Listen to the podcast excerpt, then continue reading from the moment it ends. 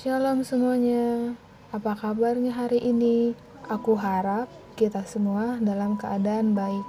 Kembali lagi bersama podcast Rokris Ana Farma dengan tema Rendah Hati. Sebelum kita memulai ibadah kita, marilah kita mengangkat pujian dan bernyanyi bersama-sama.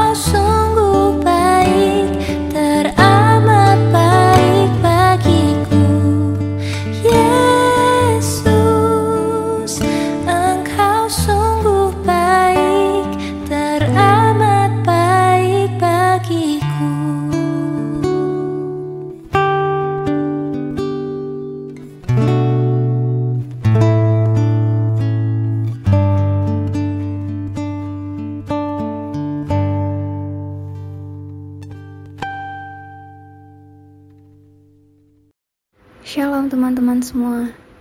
Sebelum kita memasuki pembacaan firman kita hari ini, mari kita bersatu dalam doa. Ya Allah Bapa kami di sorga, sebentar lagi kami akan membaca firman-Mu. Kami berdoa agar kami mampu menyelami isi hati dan kehendak-Mu lewat firman ini ya Bapa. Bukalah mata pengertian kami dan persiapkan hati kami dengan kuasa roh-Mu, agar kami dapat menerima firman-Mu dengan penuh sukacita. Terima kasih Tuhan Yesus, dalam nama Tuhan Yesus kami berdoa. Amin. Pada podcast kali ini, saya akan membawakan firman dengan judul Orang Rendah Hati. Pembacaan Alkitab dalam Lukas 14 ayat 7 sampai 11 dengan ayat Nas Lukas 14 ayatnya yang ke-11. Sebab barang siapa meninggikan diri, ia akan direndahkan. Dan barang siapa merendahkan diri, ia akan ditinggikan. Sebelumnya, kita harus tahu dulu apa arti dari rendah hati. Secara umum, kata rendah hati memiliki arti sikap bijak seseorang yang dapat memposisikan dirinya tidak merasa lebih penting, lebih tinggi, lebih pintar, lebih benar dari orang lain. Salah satu ciri dari orang yang rendah hati adalah ia yang mau mendengarkan pendapat, saran, dan juga kritik dari orang lain. Sikap yang mau diajarkan adalah karakter dasar dari kerendahan hati. Sebaliknya, sikap yang angkuh dan sombong cenderung membenarkan diri sendiri, merasa dirinya benar dan tidak mau diajar. Itu bukan ciri-ciri orang yang rendah hati. Orang yang memiliki kerendahan hati adalah orang yang dicari oleh Tuhan. Itulah sebabnya Tuhan memanggil orang-orang yang biasa dan tidak terpelajar untuk menjadi alat kemuliaannya. Karena perlu kerendahan hati untuk mengenal dan memahami jalan-jalannya Tuhan. Rasul Petrus menyatakan hal ini dalam 1 Petrus 5 ayat 5 sampai 6. Allah menentang orang-orang yang congkak, tetapi mengasihani orang yang rendah hati. Karena itu, rendahkanlah dirimu di bawah tangan Tuhan yang kuat, supaya kamu ditinggikannya pada waktunya. Keterbukaan dan kerelaan untuk terus mau belajar adalah salah satu karakteristik paling berharga yang perlu dimiliki seseorang pada Mazmur 25 ayat 8 dan 9. Tuhan itu baik dan benar, sebab itu ia menunjukkan jalan kepada orang yang sesat. Ia membimbing orang-orang yang rendah hati menurut hukum dan ia mengajarkan jalannya kepada orang-orang yang rendah hati. Mengapa Tuhan mengajarkan jalannya terhadap orang-orang yang rendah hati? Karena orang-orang yang demikian adalah orang yang mau diajar, dikoreksi, dan diluruskan jalan-jalannya. Tuhan Yesus berkata dalam Lukas 18 ayat yang ke-17. Aku berkata kepadamu, sesungguhnya barang siapa tidak menyambut kerajaan Allah seperti seorang anak kecil, ia tidak akan masuk ke dalamnya. Kita semua tahu bahwa salah satu karakteristik menonjol dari anak kecil ialah bahwa mereka mudah sekali untuk diajar. Jadi, teman-teman, milikilah kerendahan hati, jangan congkak, dan jangan sombong. Mari teman-teman, kita bersatu dalam doa. Ya Allah Bapa kami yang baik, Tuhan yang kami sembah dan muliakan. Dalam nama Yesus, kami mengucap syukur dan terima kasih kepadamu ya Bapa. Berkat pernyataanmu, semoga firmanmu menjadi pedoman hidup dan kekuatan kami, baik rohani maupun jasmani. Bimbinglah kami seterusnya ya Tuhan, di dalam pikiran dan perkataan, serta perbuatan, supaya kami terhindar dari dosa. Terima kasih Tuhan Yesus, hanya di dalam nama Yesus Kristus Tuhan kami. Kami berdoa dan mengucap syukur.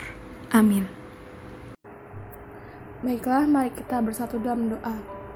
Bapak, terima kasih ya Tuhan atas pernyataan-Mu pada hidup kami ya Tuhan. Kami berterima kasih atas berkat yang telah Engkau berikan kepada kami. Kami dapat mendengarkan firman-Mu Tuhan melalui podcast hari ini ya Tuhan. Uh, terima kasih ya Tuhan karena Engkau telah uh, memberikan kami kesehatan juga kekuatan ya Tuhan. Uh, kiranya firman Tuhan yang kami dengarkan ini dapat menjadi pedoman dan juga kami terapkan dalam kehidupan kami. Kami juga berdoa untuk pemerintah pusat dan pemerintah daerah Indonesia serta pemimpin dunia. Kami berdoa agar mereka diberi hikmat untuk mengambil setiap keputusan yang tepat dalam setiap pekerjaannya Tuhan. Kami juga berdoa untuk garda terdepan para tenaga kesehatan yang sedang berjuang mengatasi penanganan pandemi ini Tuhan agar mereka diberi kekuatan dan kesehatan selalu. Kami juga berdoa untuk para pasien yang, dinyata, yang dinyatakan positif COVID-19 ya Tuhan agar mereka diberikan kesehatan dan juga pemulihan secepatnya. Kami juga berdoa untuk orang-orang yang sedang sakit ya Tuhan, berikanlah mereka kekuatan, kesembuhan juga kesehatan ya Tuhan. Kami juga berdoa untuk keluarga dan anggota keluarga yang ditinggalkan, uh, mereka yang sedang berduka ya Tuhan, agar mereka diberi kekuatan dan juga penghiburan ya Tuhan. Kami juga berdoa untuk para uh, mahasiswa mahasiswa uh, Poltekkes Kemenkes Jakarta 2 ya Tuhan dalam uh, perkuliahan kami ya Tuhan baik offline offline maupun online Tuhan uh, ataupun mereka yang sedang dalam PKL ya Tuhan kiranya Kau berkati uh, kelancaran ya Tuhan uh, apa pun yang kami lakukan dapat berjalan dengan baik ya Tuhan sesuai dengan rencanamu ya Tuhan. Dan juga kami berdoa untuk uh, perkuliahan kami ya Tuhan dari awal hingga akhirnya Tuhan Engkau beri uh, kelancaran baik uh, dalam tugas ataupun yang lainnya Tuhan. Kami juga berdoa untuk para alumni berkati mereka ya Tuhan yang sedang bekerja atau uh, sedang mencari pekerjaan Tuhan. Terima kasih ya Tuhan inilah doa hambamu dalam nama Tuhan Yesus kami berdoa dan mensyukur hal ya amin